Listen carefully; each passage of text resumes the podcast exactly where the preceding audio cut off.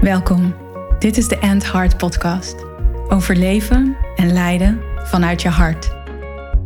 Voor vrouwelijke leiders, CEO's, managers en ondernemers. Vrouwen die impact willen maken, een changemaker zijn, grote resultaten willen behalen en hun mooiste leven willen leiden. Niet enkel vanuit ratio, logica en mind, wat je waarschijnlijk heel goed kan. En wel vanuit heart, soul en purpose jouw waarheid leven. Vol zelfliefde, vervulling en met een flinke dosis lef.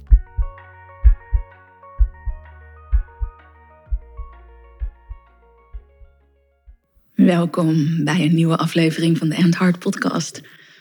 En deze keer ben ik weer in gesprek gegaan met een inspirerende vrouw, een inspirerende heartleader.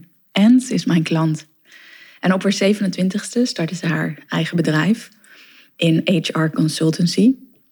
En het werd succesvol en ze verkocht het na tien jaar. En ze nam een sabbatical, ging op reis en nam al heel snel een nieuw aanbod aan. En dat was een prachtige rol als CEO van een groot engineeringbedrijf in België. Alleen Estelle, want dat is mijn klant, merkte dat ze steeds verder raakte van haar essentie en waarden die voor haar belangrijk zijn, zoals vrijheid en creativiteit. En toen maakte ze een moedige keuze. Ze besloot dat 2021 haar laatste jaar was als CEO. En ze zei weer ja tegen een sabbatical. En deze keer is ze van plan om die langer te laten duren. En eind van de zomer 2021 zei ze ook ja tegen mijn één op één programma. En vanaf september werkten we samen. En in dit gesprek vertelt zij hoe de afgelopen jaren voor haar zijn geweest waarom ze ja heeft gezegd tegen de één op één met mij. We hebben het over de kracht van intuïtieve intelligentie. Ze vertelt hoe ze mij als coach ervaart. En wat leven en lijden vanuit je hart voor haar betekent. En hoe ze dat invulling wil geven in dit volgende deel van haar leven. Dus luister naar dit prachtige en openhartige gesprek met Estelle. Enjoy. Estelle, wat tof dat wij met elkaar in gesprek zijn. En jij bent nu in België. Ja, wij zijn uh, gisteren teruggeland en wij zijn nu in België tot 23 februari. Ja, en jij stuurde mij laatst een bericht. hey, België voelt eigenlijk niet meer helemaal als thuis, want ik heb een ander thuis. Een nieuw ja, thuis. wij zijn uh, ja, omdat wij zijn in de overgangsfase momenteel. Wij zijn in de fase waar dat wij uh, ja, ons huis in België verkocht hebben. Eigenlijk ons hebben en houden ofwel aan het inpakken zijn ofwel aan het verkopen zijn. Um, om dan eind februari definitief, en definitief tussen aanhalingstekens, hè, want definitief bij ons is, is nooit uh, voor langer dan x tijd, maar om dan te verhuizen naar Italië. Ja. Uh, waar dat wij uh, ja, van plan zijn om even uh, een rustpauze in te plannen en dan zien wat dat er op ons afkomt. Ja, en wat betekent Italië voor jou, die plek, dat land? Italië is eigenlijk een passie die wij delen als koppel. Dus Ben en ik zijn eigenlijk zelf al voordat wij samen zijn gekomen, alle twee wel fan van Italië. De clichés een beetje, het beter weer, het eten. Maar ik denk ook wel de, de mentaliteit. De mentaliteit van het iets meer leven op het ritme van, van de natuur, van de zon, van de voedingsmiddelen die de natuur je daar lokaal geeft er komen ook natuurlijk uitdagingen met zich mee, want ik ben nogal een, mondige vrouw die geen Italiaans kan.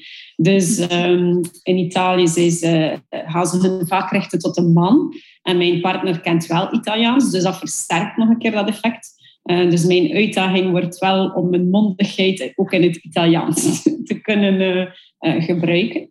Maar ik denk dat...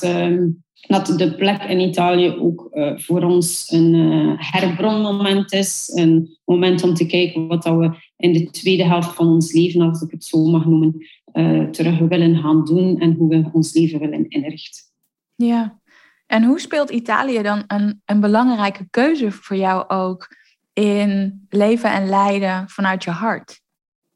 Um, voor mij is het een bewuste keuze om deze sabbatical periode in het buitenland um, door te maken. En waarom? Omdat uh, één, je, ja, je bent een beetje incognito. Ehm, mhm. En wat dat mij een zeer vrij gevoel heeft. een gevoel in die zin dat uh, in België, doordat je uh, vriendenkring opgebouwd hebt, maar professioneel ook een Hans netwerk, um, hebben mensen een aantal labels op jou geplakt. En zijn daarvoor geen slechte labels. Uh, maar ook een aantal labels die heel sterk gerelateerd zijn door de rollen die ik professioneel heb opgenomen. En dan die labels doortrekken naar mij als persoon, in het algemeen en in mijn privé. Ik heb dat ook toegelaten, ben er ook een stuk in meegegaan uiteraard.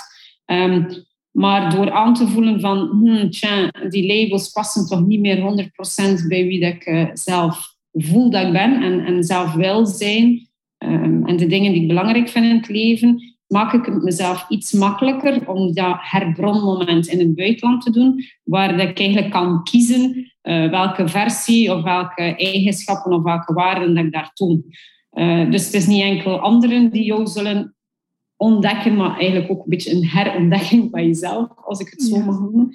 En vandaar dat uh, Italië, de streek waar dat wij naartoe gaan, is ook geen um, zeer gekende streek, is ook geen streek waar je veel uh, corporates vindt en dergelijke meer. Want initieel was mijn uh, verlangen om te verhuizen naar uh, Australië, meer bepaald Sydney. Het was altijd een kinderdroom geweest en we zijn er ook al een paar keer op reis geweest.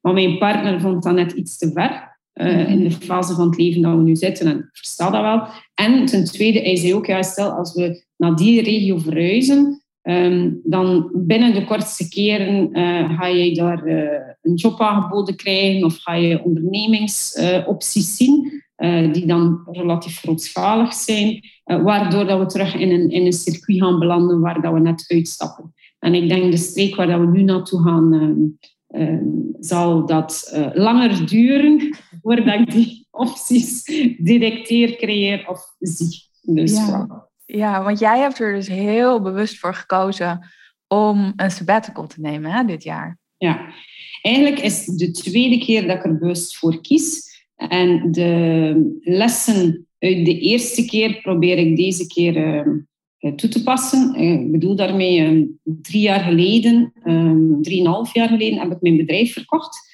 En was het ook de bedoeling om een sabbatical te nemen, te herbronnen uh, en dergelijke meer. En ik heb dat eigenlijk niet volledig gedaan, dat traject. Ik heb eigenlijk um, wel een stuk gereisd en dan teruggekeerd naar België. En de bedoeling was dat wij daarna opnieuw uh, naar het buitenland zouden gaan. Maar in die periode dat ik in België was, heb ik eigenlijk een, een heel mooie jobaanbieding gekregen uh, op C-level bij een klant van mij. En ik heb daar ja op gezegd, binnen de 24 uur ja. En uh, een week later was ik terug aan de slag. En ik uh, was of ben uh, bang dat ik opnieuw een dergelijke keuze zou maken nu. Mm. Waardoor dat ik de sabbatical anders inricht. Omdat ik denk wel dat ik die keuze toen gemaakt heb uit angst. Ja. Angst van Ga ik ooit wel nog iets vinden? Angst van, ik heb niet opnieuw een, een businessplan in mind. Um, gaat er wel nog iets op pad komen? Of was dit, een eenmalige lucky shot?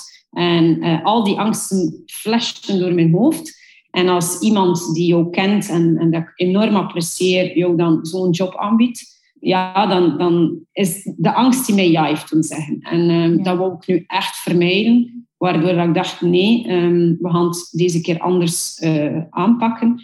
Hoe dat gaat uitdraaien, dat weet ik nog niet. Maar de intentie om het iets grondiger te doen of, of uh, iets meer vanuit gevoel te doen, is er wel. Ja. ja, en een supermooi woord vind ik dat, dat jij gebruikt. Herbronnen. Ja. Echt terug naar jouw essentie op een andere plek waar je loskomt van die labels. Ja. En echt jezelf weer kunt heruitvinden, weer kunt onderzoeken van hé, hey, wie ben ik eigenlijk? Waar verlang ik echt naar? Ja. Zonder te snel in de verleiding te komen, gedreven door angst om ja te zeggen tegen iets ja, waarvan je later kunt afvragen van hé, hey, was dat echt de juiste keuze? Inderdaad, ja. Hey, en mensen zijn nu vast ook nieuwsgierig geworden. Wie ben jij? wie ben ik? Ik wist dat je die vraag ging stellen, want ik heb al een paar van je podcasts, ik heb al je podcasts al beluisterd. En ik dacht, dat is zo'n eenvoudige vraag. En voor mij dus op dit moment in mijn leven, in mijn volle midlife crisis, als ik hem zo mag noemen, dus de moeilijkste, wie ben ik? Ik ben iemand die uh, enorm graag reist, um, zeer open-minded is en in die reizen ook heel veel leert over mezelf, over uh, waarden, over hoe dat mensen hun leven inrichten. Ik heb een partner, Ben, die gelukkig die passie deelt en die, die levensvisie. Wat ben ik nog meer? Ik ben dochter van, ik ben zus van um, en ik ben wel on een ondernemer. Um, Ik mhm. ben wel iemand die uh, heel veel ideeën heeft, heel breed denkt en zeer graag uh, concepten en, en businesses creëert. Um, co-creëert, maar ook voor mezelf dat graag doet. En die altijd alles ten volle doet. En dat heeft voor- en nadelen. het voordeel is dat je echt smijt in dingen. Nadeel is natuurlijk dat je echt in dingen. Dus... Um, dus ja, en dan uh, voor de rest, ja, ik ben uh, 41, dit jaar uh, 42. Dus dat begint wel um, zo naar de tweede helft eh, te neigen. En waar dat ik persoonlijk wel naar uitkijk, omdat ik altijd hoor dat je dan eh, wijzer en geduldiger en, ja, en die, die, die superlatieven wordt. Dus daar kijk ik wel naartoe uit. Um, En ik ben dus in een nieuwe fase van mijn leven, uh, waar ik een aantal eigenschappen, um, zoals dat reizen, zoals uh, uh, ja, een bepaalde vrijheid, onafhankelijkheid, die voor mij echt heel belangrijke waarden zijn, terug naar voren wil schuiven in de keuzes dat, ik, dat ik wil maken en in um, het inrichten van, van mijn leven. Want ik ben wel iemand die wil ondernemen, zeker nog gaat ondernemen. Um, maar het niet weer uh, 80, 90 uur van maandag tot vrijdag, dan de weekends uh, beschermen, zodat je daar ook niet aan werkt, om dan vier weken of drie weken per jaar verlof te nemen. Uh, ik wil het anders inrichten en ik weet nog niet hoe, maar het komt wel. Um, ja. Maar, ja, dus er breekt nu een nieuwe fase voor jou aan. Ja, inderdaad. En welke fase heb je dan afgesloten? Welke ligt er achter je?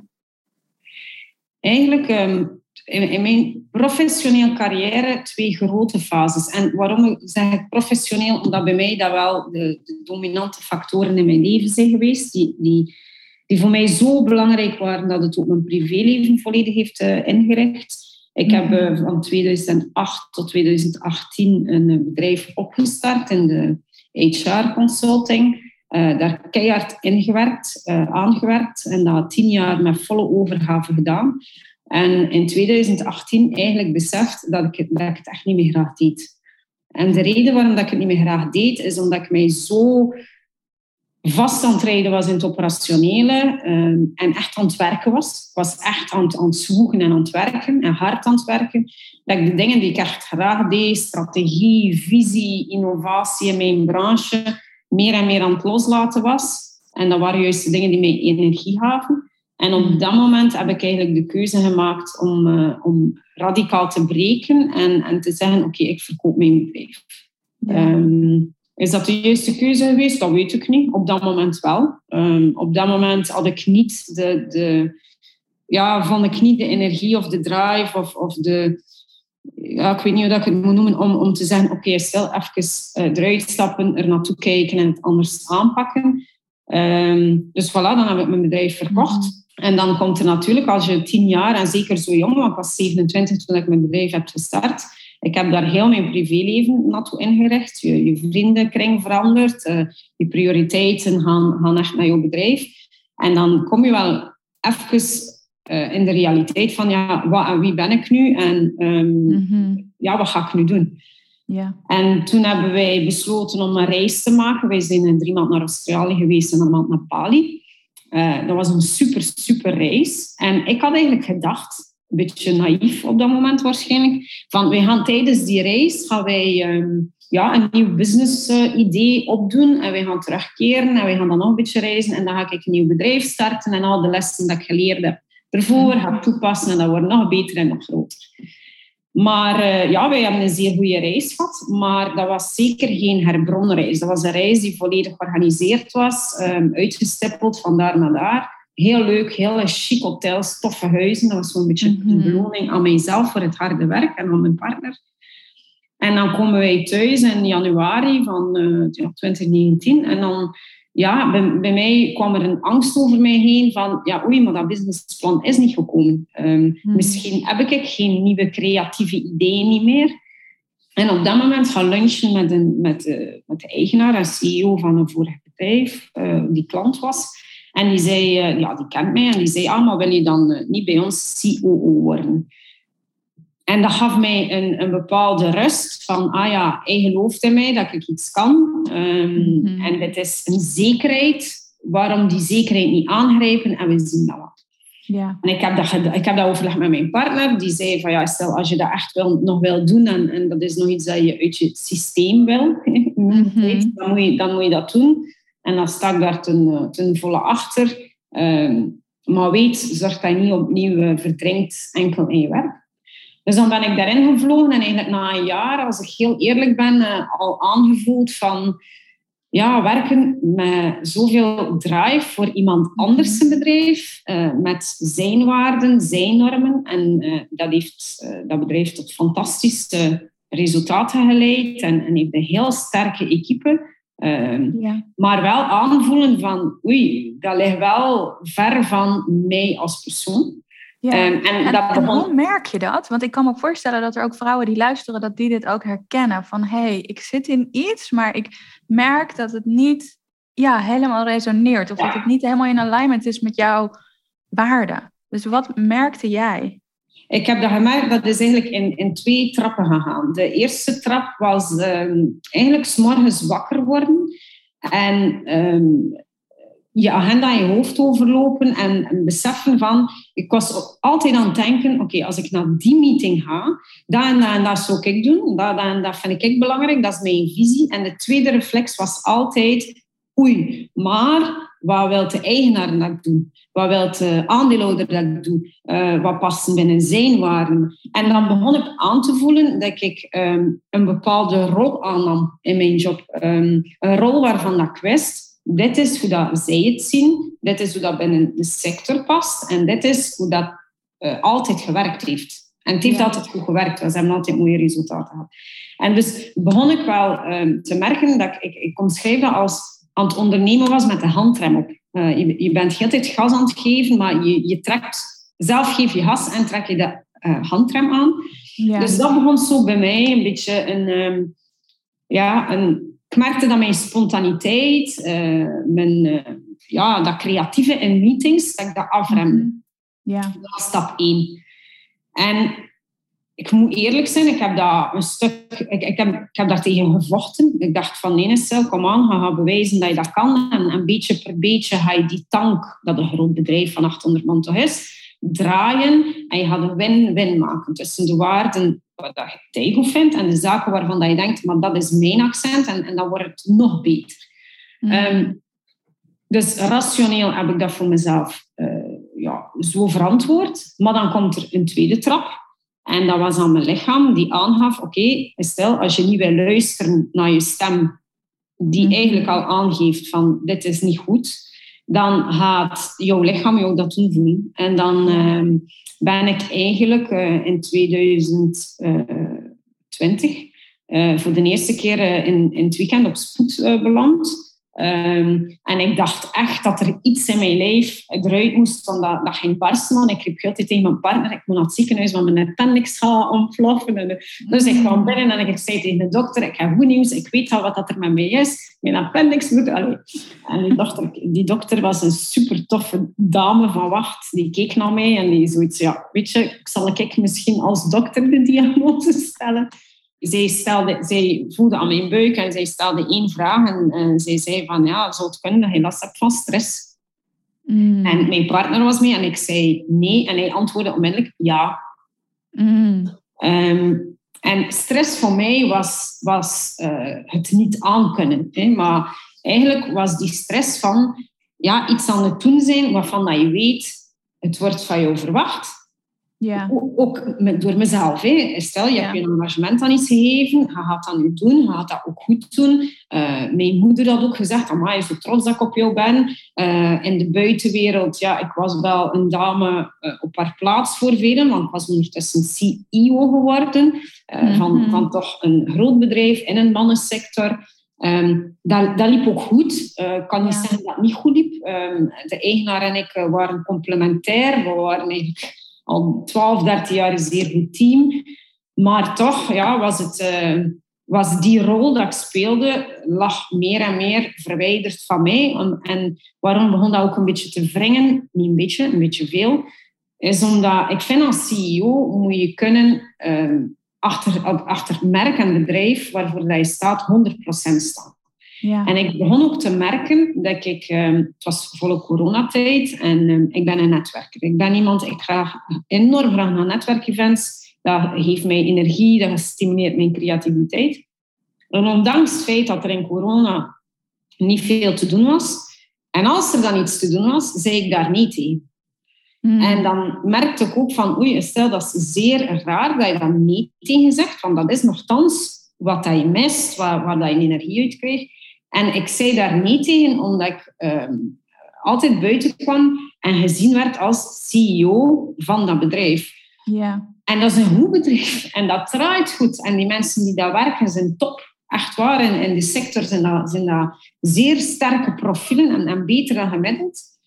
Maar toch um, ja, lagen bepaalde zaken niet in lijn met mij als persoon. En uh, bleek ik daar toch moeite mee te hebben. En ik vind dat zeer jammer. Ik heb daar enorm lang tegen gevochten.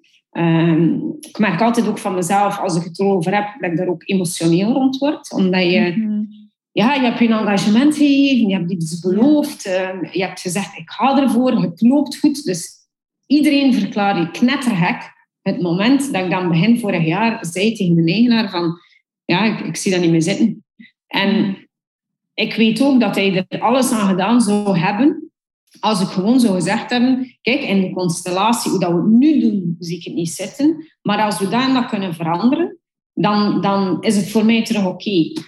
Maar je kunt natuurlijk niet zeggen, dat kan als het over praktische, organisatorische zaken gaat. Maar dat kan niet als het gaat over, wij hebben een andere visie op uh, wat dan de mhm. waarden zijn die een bedrijf zou moeten uitdragen. En ik, ik vel hier geen waardeoordeel.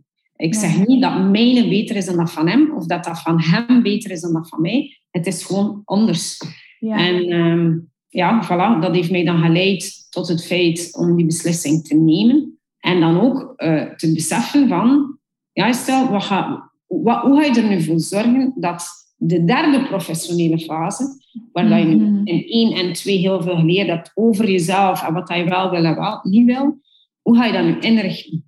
Ja. Um, hoe wil ik, uh, en ook als koppel, want um, wij hebben um, als koppel elkaar door dik en dun gesteund. Maar ja, er is heel veel in kader van mijn werk altijd beslist geweest. En ja. ja. ik zou dat terug uh, graag iets eerlijker uh, verdelen. Mm, mooi.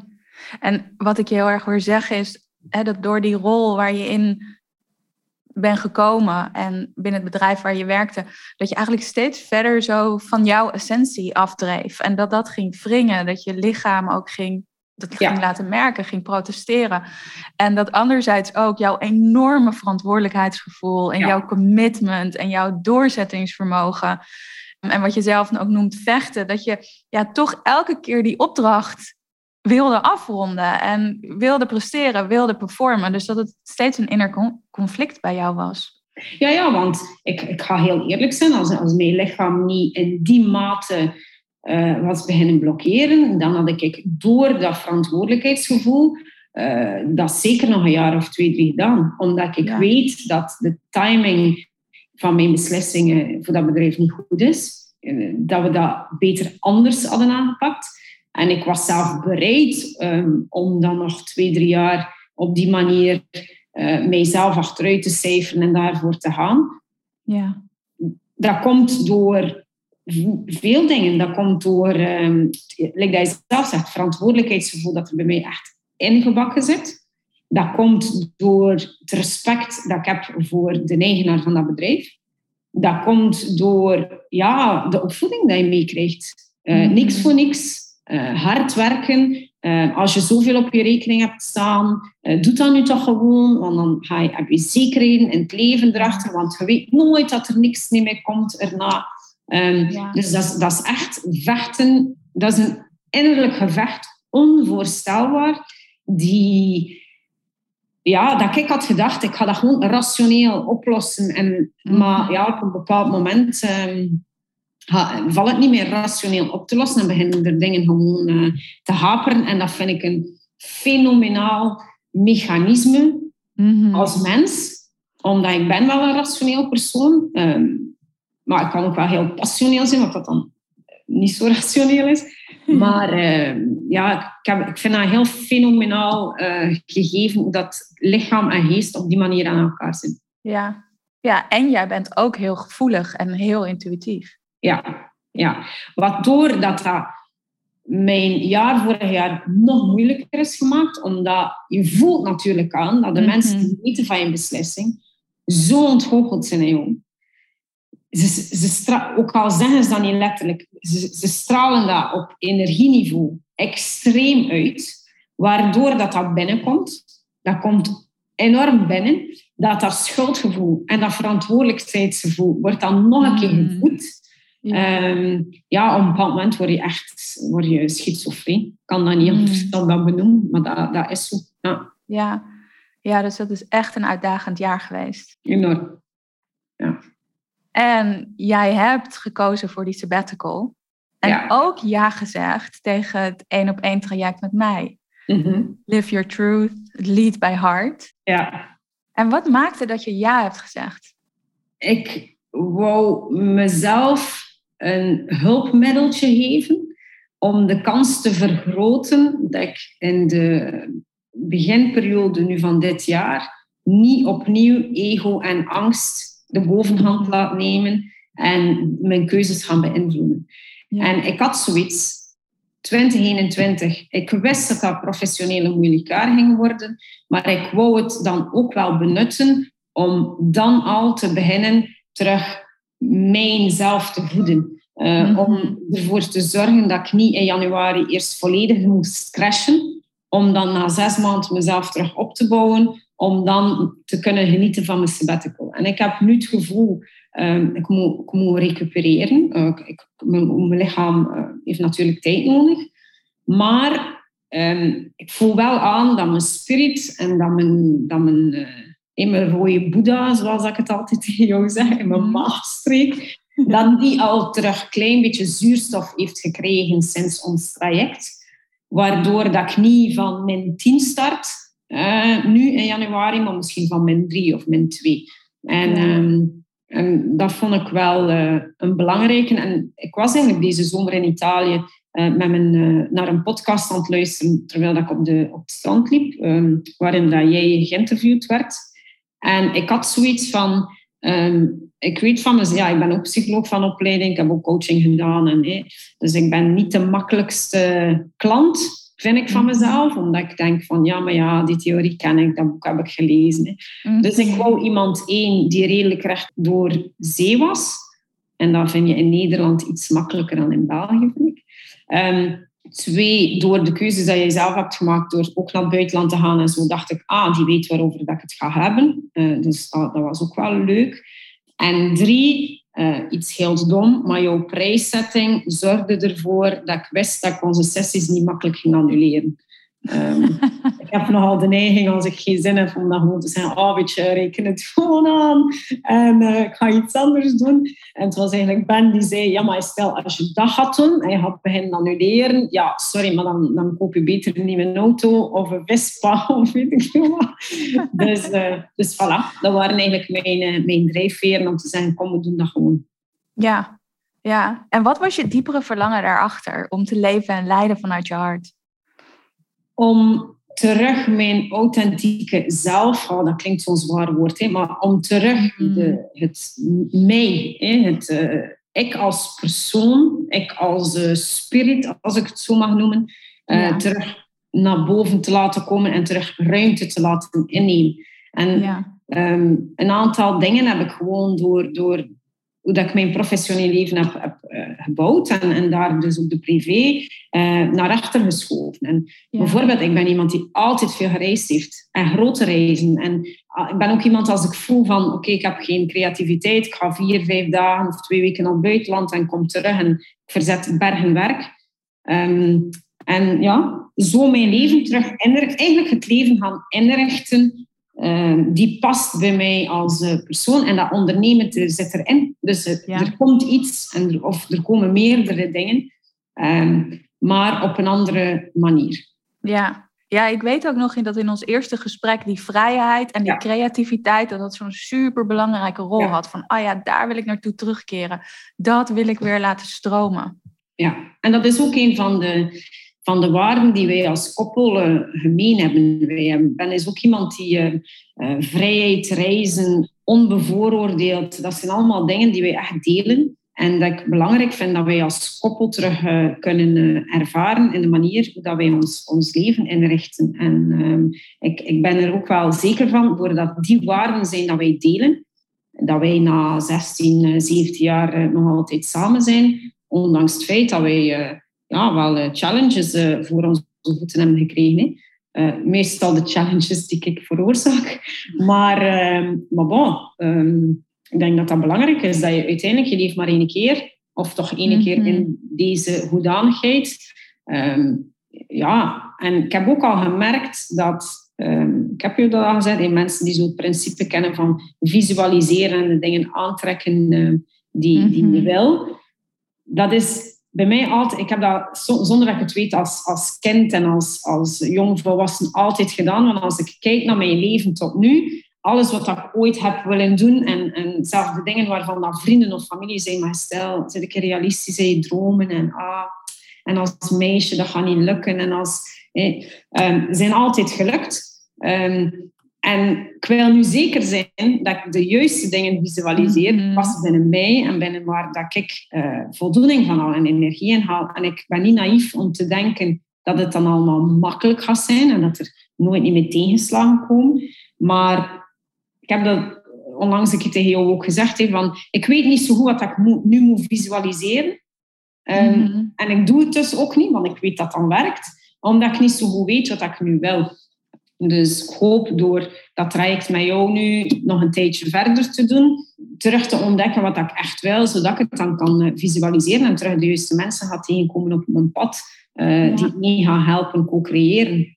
Mm ja, ik ben benieuwd wat dat gaat brengen in de aankomende maanden. Ik ook. En, en we zijn nu zijn wij samen zo'n vier maanden onderweg. Ja. Ja, mensen zijn ook vast benieuwd van ja, wat, wat heeft het je tot nu toe gebracht? Onze samenwerking en intunen met je hart. Ja, een aantal dingen. Ik denk van hele kleine dingen tot van uh, jouw boektips bijvoorbeeld. Um, heb ik heel veel aan gehad ook het feit dat, waar dat ik intuïtief al heel sterk in geloof, dat uh, aantrekken van wat dat je uitstraalt, uh, manifesteren, visualiseren, dat altijd gewerkt heeft bij mij. Om daar toch ook een keer die wetenschappelijke onderbouw en uitleg van jou te krijgen, vind ik heel belangrijk. Zo van, tja, mm. het is niet zo abnormaal dat dit werkt, want dat van kwantumfysica en neurologie en zo zit erachter. Um, Dus dat vind ik als toch rationeel persoon leuk, enorm. En ik denk ook uh, gedurende de laatste maanden van, van mijn job dan, um, ja, toch af en toe een keer geholpen om, uh, om de dingen op een andere manier te gaan bekijken. Emoties en reacties van mensen meer bij die mensen te leggen. Dat ook op die manier te gaan bekijken en ook te gaan uh, voelen van uh, wat doet dat met mij? Waar, waarom raakt mij dat zo diep? Wat zegt dat dan hmm. over mijn waarden? Zonder dan was te veel bezig met wat zegt dat over hen en waarom vind ik dat niet eerlijk en waarom vind ik dat... Maar meer te gaan kijken van, oké, het feit dat die eigenaar mij uh, ja, uh, afgewezen heeft, als ik het zo mag zeggen. Dat is, dat is een papa die, waarvan dat de dochter heeft gezegd, sorry, maar ik wil met jou niet meer elke dag uh, thuis zitten. Waarom raakt mij dat zo, dat die ontgoocheling er is, dat die afwijzing er is? Um, en ja, ik denk en ik vind ook wel dat je, dat je zeer leuke meditaties doet. Um, En mediteren is iets dat ik uh, ook nut sterk van inzie, dat ik momenteel minder aan heb. Ik heb nu meer aan sport, ik heb je dat ook gezegd. Ja. Uh, ik wil niet te veel inwaarts keren. Ik denk dat mhm. momenteel gewoon even uh, loslaten en, ehm, en fysiek terug actiever worden een beetje mijn vorm van meditatie is. Maar ik denk dat ja, dat zo... Uh, het is zo'n vaste pin in mijn agenda geworden. Mm die, je niet afzegt. die ik niet afzeg en die ik, ehm, waar dat ik wel merk ook naar uitkijk. Om, om af en toe, zeker als je minder voelt, om te zien, oké, wat komt er nu? En je bent ook flexibel in de topics. Hè? Want meestal heb je op voorhand wel iets in je hoofd uh, van dat en dat wil ik doen van oefening. En meestal is mijn humeur op, dan, op dat moment de spelbreker en gaat het toch over iets anders. dus die flexibiliteit uh, vind ik ook wel zeer krachtig. Ja, en werken we dus echt inderdaad met wat er op dat moment belangrijk voor jou is. Of wat er op dat moment belangrijk is in jouw leven en wat er oppopt. Ja, inderdaad. En als je terugkijkt hè, op de afgelopen maanden, wat is dan in de coaching, in dit traject, een moment geweest voor jou van transformatie of waar je echt een shift ervaarde?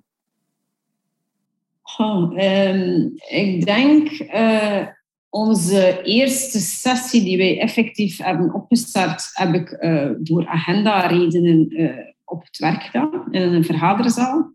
Ja. En eigenlijk, uh, die sessie had twee zaken. Eén, de inhoud was op dat moment wat ik nodig had. Want we hebben dan gesproken over mijn knopje die hier aan mijn hoofd vastzit en dat ik moest loslaten. En, allee, die oefening heeft, heeft op dat moment enorm geholpen Um, om de zaken op een andere manier te gaan bekijken. Uh, Gedurende meetings en, en, en discussies, de, de weken erna. Maar het feit dat de sessie met jou ook zo fout aanvoelde om het in die ruimte op dat moment te doen op het werk, mij ook onmiddellijk duidelijk heeft gemaakt van stel het verschil tussen wat dat jij belangrijk vindt en hoe dat bedrijf uh, in elkaar zit, of, of de mindset die er mm. daar is, uh, is veel groter dan dat ik soms uh, toegaf aan mezelf.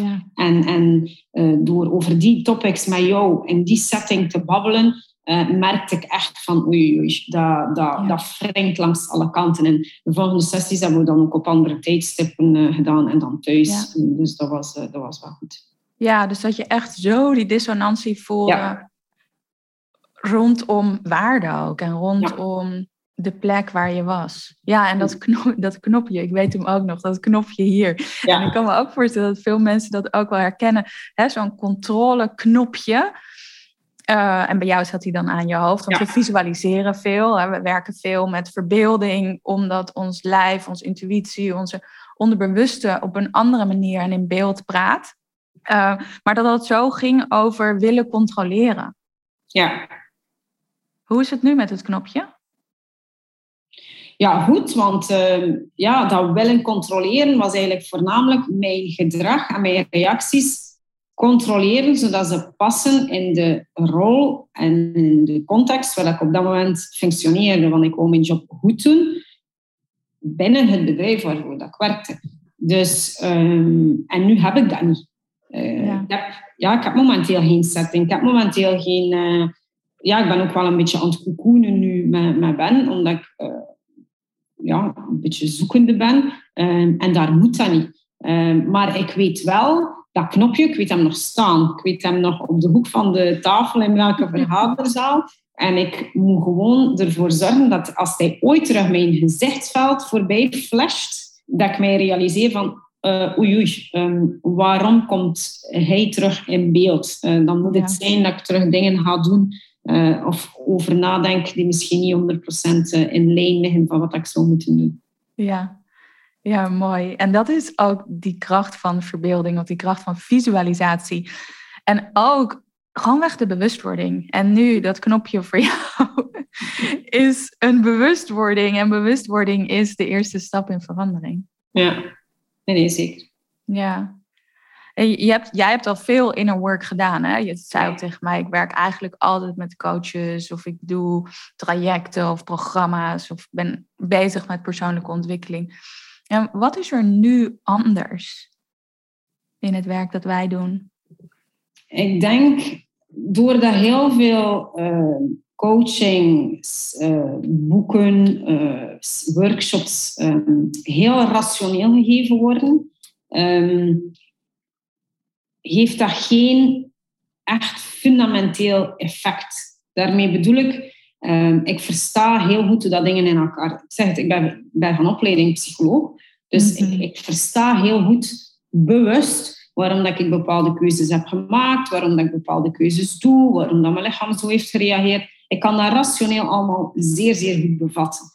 Maar op een bepaald moment ehm, heb ik ook zoiets van, oké, dat is nu goed, maar ik kan niet rond het feit dat dat rationeel bevatten niet voldoende is om toch een aantal beslissingen of een aantal reflexen niet meer te nemen. Ja. Ook al weet ik dat, uh, dat dat daardoor komt. En ook al weet ik dat uh, een opvoeding dat je dat meekrijgt. En dat dat misschien niet is hoe dat je als persoon wil zijn. En dat je vriendenkring zo evolueert. Dat weet je allemaal, maar toch, toch wordt dat geen onderdeel van jezelf. En hmm. ik denk, door de manier hoe dat je jezelf werkt, en dat het toch echt ook uh, gelinkt is aan meditatie, een stukje NLP, zo de mix van al die zaken, uh, hoop ik eigenlijk dat de zaken die wij aan het doen zijn, en ik voel dat ook wel zo, um, dat er nieuwe verbanden worden gelegd en dat, dat voornamelijk oude dingen die aangeleerd geweest zijn, die niet zozeer resoneren met, uh, met hoe dat ik aanvoel dat ik wil leven of mm. aanvoel wie dat ik ben, om die eigenlijk te kunnen loslaten. En ik denk dat dat belangrijkste is voor mij aan de, de, de manier en de technieken die jij gebruikt, in tegenstelling tot een doorsnee coach, uh, workshop, uh, boek dat je leest en dergelijke meer. Ja.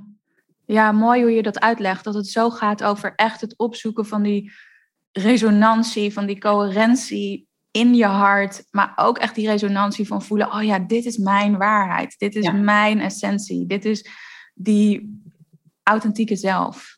Ja, en dat is natuurlijk geen, uh, dat gaat niet zonder werken en dat gaat ook niet zonder uh, vallen en opstaan, sowieso niet, want dat is onvoorstelbaar hoe dat zaken die aangeleerd zijn, hoe moeilijk dat je kwijtraakt.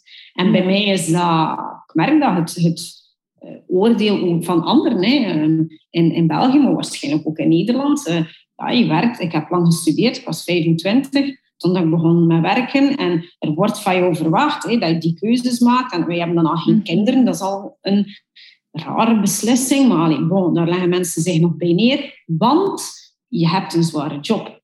Eén keer dat je dan zegt van, ja, maar ja, ik ga die job niet meer doen. Ah, wil je dan kinderen? Nee, nee, nee, nee. Ah ja, oeh, maar je kan toch nu niet, niet werken?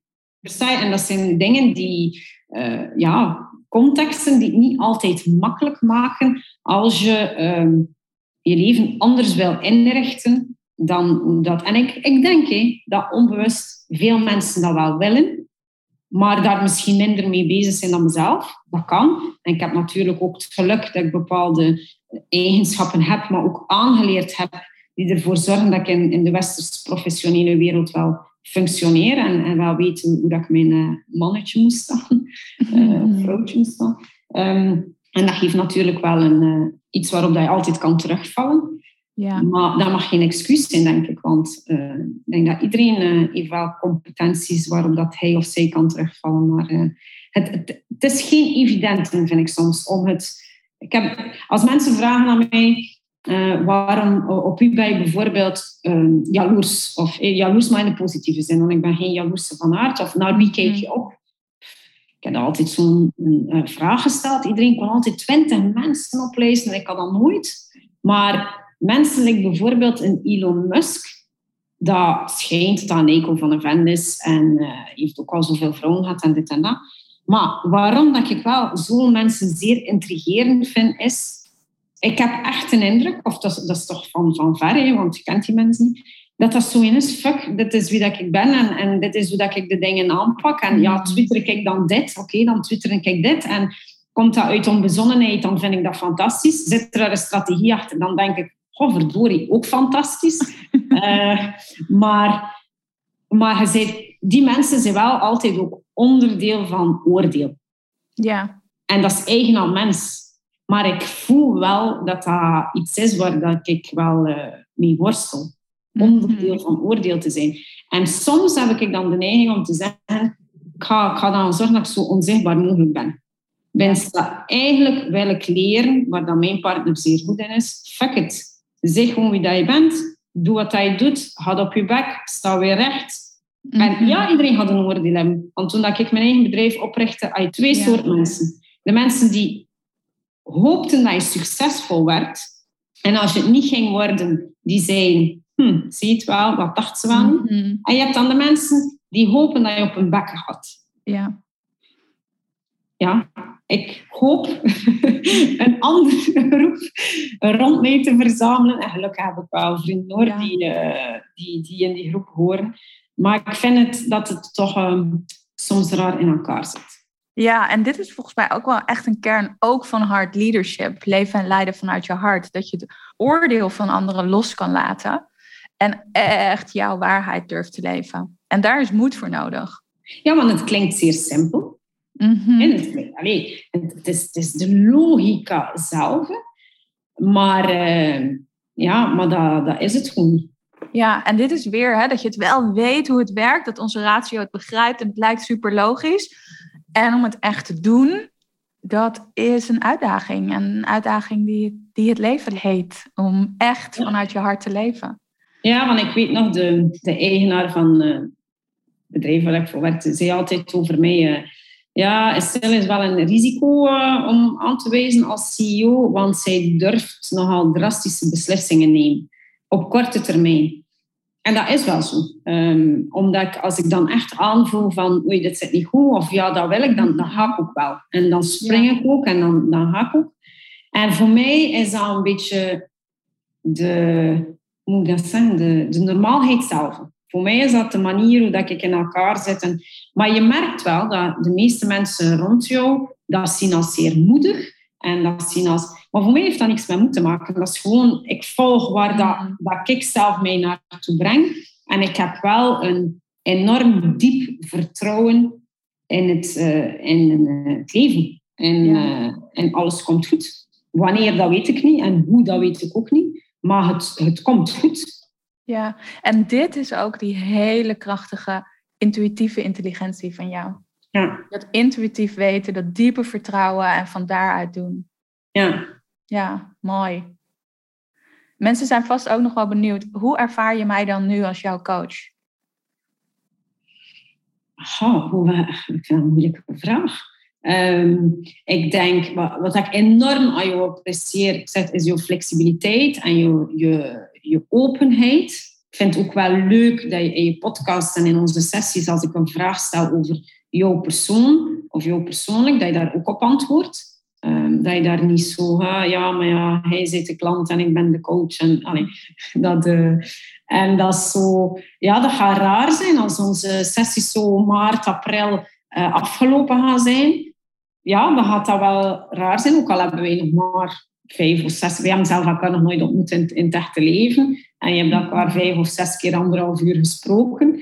Maar dat wel leuk is dat je iemand eh, hebt waarvan dat je zelf door een computerscherm aanvoelt die eh, het eh, goed met je voor heeft. Ja. Ja. Hm. Ja, en je kan altijd verlengen natuurlijk.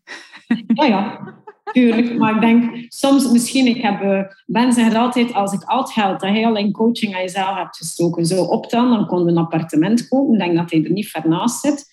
Ehm, en ik heb zoiets, ja, en ik ga misschien ook een keer op mijn eigen beentjes moeten leren, Ja. leren staan. En wat gaat er nu anders zijn in hoe jij leeft en leidt?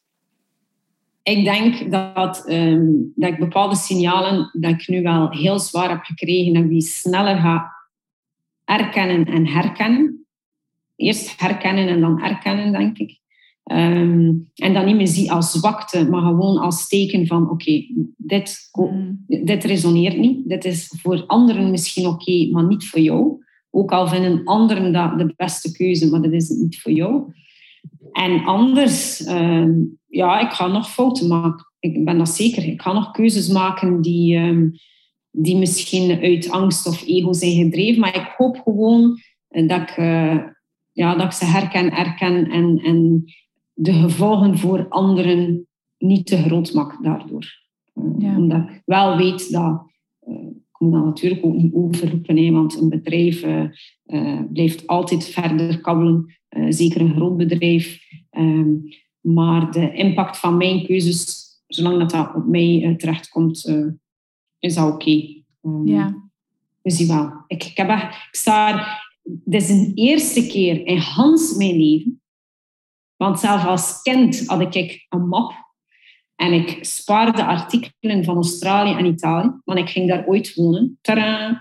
En dan als tiener had ik foto's van huizen dat ik mooi vond. Tadaa. Mijn vriendin zei ooit tegen mij, ah, stel je moet je adres niet doorgeven, ik ga door Oedelem, dat is dorp dat woon, rijden en ik ga jouw huis herkennen. En dat, dat was effectief zo. Um, dus het is de eerste keer dat ik geen plan heb. En het is zeer raar, maar ik ben er enorm rustig over. Zelf zo dat al mijn vrienden zeggen, maar stel, je weet het, je gaat in paniek slaan en je weet niet wat dat er komt. En, uh, maar dat ik denk, wat komt goed. En ik weet dat ze dat allemaal uit bezorgdheid zeggen, van, maar ik heb zo het gevoel, ik versta dat je mij niet gelooft, maar het komt goed. Ja, en dat is ook de kracht van het hart en dat vertrouwen echt durven voelen, toelaten, die intuïtieve intelligentie. Ja. ja. Ik ben benieuwd wat dat je gaat brengen. Ik ook. Ik ook echt. Ik, soms wou ik het wel. Dat ik dacht, oh, als ik nu een keer zou kunnen vooruitkijken, zo binnen vijf jaar. Maar dan denk ik onmiddellijk, nee, dat is niet waar, want laat het gewoon maar komen en, en we zien wel. Ja, en je weet, je weet dat het mooi gaat zijn. Ja. Laatste vraag. Waar ben je dankbaar voor? Oh, voor veel hoor. Ik denk, oh ja, voor heel veel. Ik ben dankbaar voor uh, onze sessies. Ik ben dankbaar voor uh, de partner dat ik heb, die toch in die rollercoaster uh, elke keer zo hordeltjes blijft omdoen en blijft zitten. Ik ben dankbaar voor het professionele leven dat ik heb kunnen opbouwen tot nu toe, waardoor dat ik de middelen heb om te kunnen zeggen, ik neem een sabbatical. En voor enorm, ja, ik heb een aantal vriendinnen die, uh, ja, die, wij, uh, die mij het afgelopen jaar, twee jaar, echt uh, versterkt hebben in het geloven in mezelf. Die zelf super carrière madammen zijn, maar die niet oordelen. Die zelf ook heel in tune zijn met, met hunzelf. Voor de ja, ik kan zo echt uren doorgaan. Voor de reizen die ik al gemaakt heb, voor de reizen die nog komen. Um, en gewoon dankbaar voor mezelf dat ik, uh, ja, dat ik toch dat, dat jaar heb uitgedaan op een manier waarvan dat ik vind dat ik het moest doen. Um, ook al heeft het mij het een en het ander gekost. Ja. Ja, mooi. Ja, en ik kan zeggen dat ik je daar ook zoveel voor wil erkennen. Hoe je ja, dat jaar het bedrijf waar je werkt hebt geëerd, de samenwerking hebt geëerd en ook jezelf hebt geëerd en de waarden die voor jou belangrijk zijn. Ja. En dat ik ongelooflijk trots op jou ben hoe je nu in deze eerste maand van rust met alle uitdagingen om toch in actie te willen zijn, echt ja, te vertragen. Ja. Net als die podcast van laatst, Slow Down to Speed Up. En nou, dat mag jij helemaal in de praktijk brengen nu. Ja, ja ik, vond, ik vond hem echt zeer... Je, je podcast, maar dat is altijd zo. Hè. De topics vallen altijd bij mij precies parallel met de dingen die op dat moment, uh, dat moment spelen. En, uh, nee, nee, maar het is wel zo. Ik, uh, het, het feit rustiger worden en meer in tune en terug weten wat ik wil, naar waar dat ik wil, het kunnen uitstralen en aantrekken. En dan gaat het er veel sneller komen dan als ik nu zou blijven verder ploeteren. Ja, ja, mooi. Dank je wel voor dit gesprek. Dank je wel voor je openheid en je enthousiasme. En ook dank je wel voor onze samenwerking, die gelukkig nog even doorgaat. Ja, en dat lijntje wat we hebben, dat die podcasts altijd precies, of mijn boekentips, precies in alignment zijn met waar jij bent. Nee, zeker. En hij, hij ook uh, zeker een dikke merci. En uh, we zien wel waar dat we samen nog uh, belanden in de komende maand. Ja, en elkaar misschien wel eens real life gaan zien. Wie weet, want Mallorca staat zeker nog bij mij op de plan. Heel goed. Ja, en ben je nu geïnspireerd? En voel je, hey, ik heb ook die behoefte om meer te connecten met de kracht van mijn hart.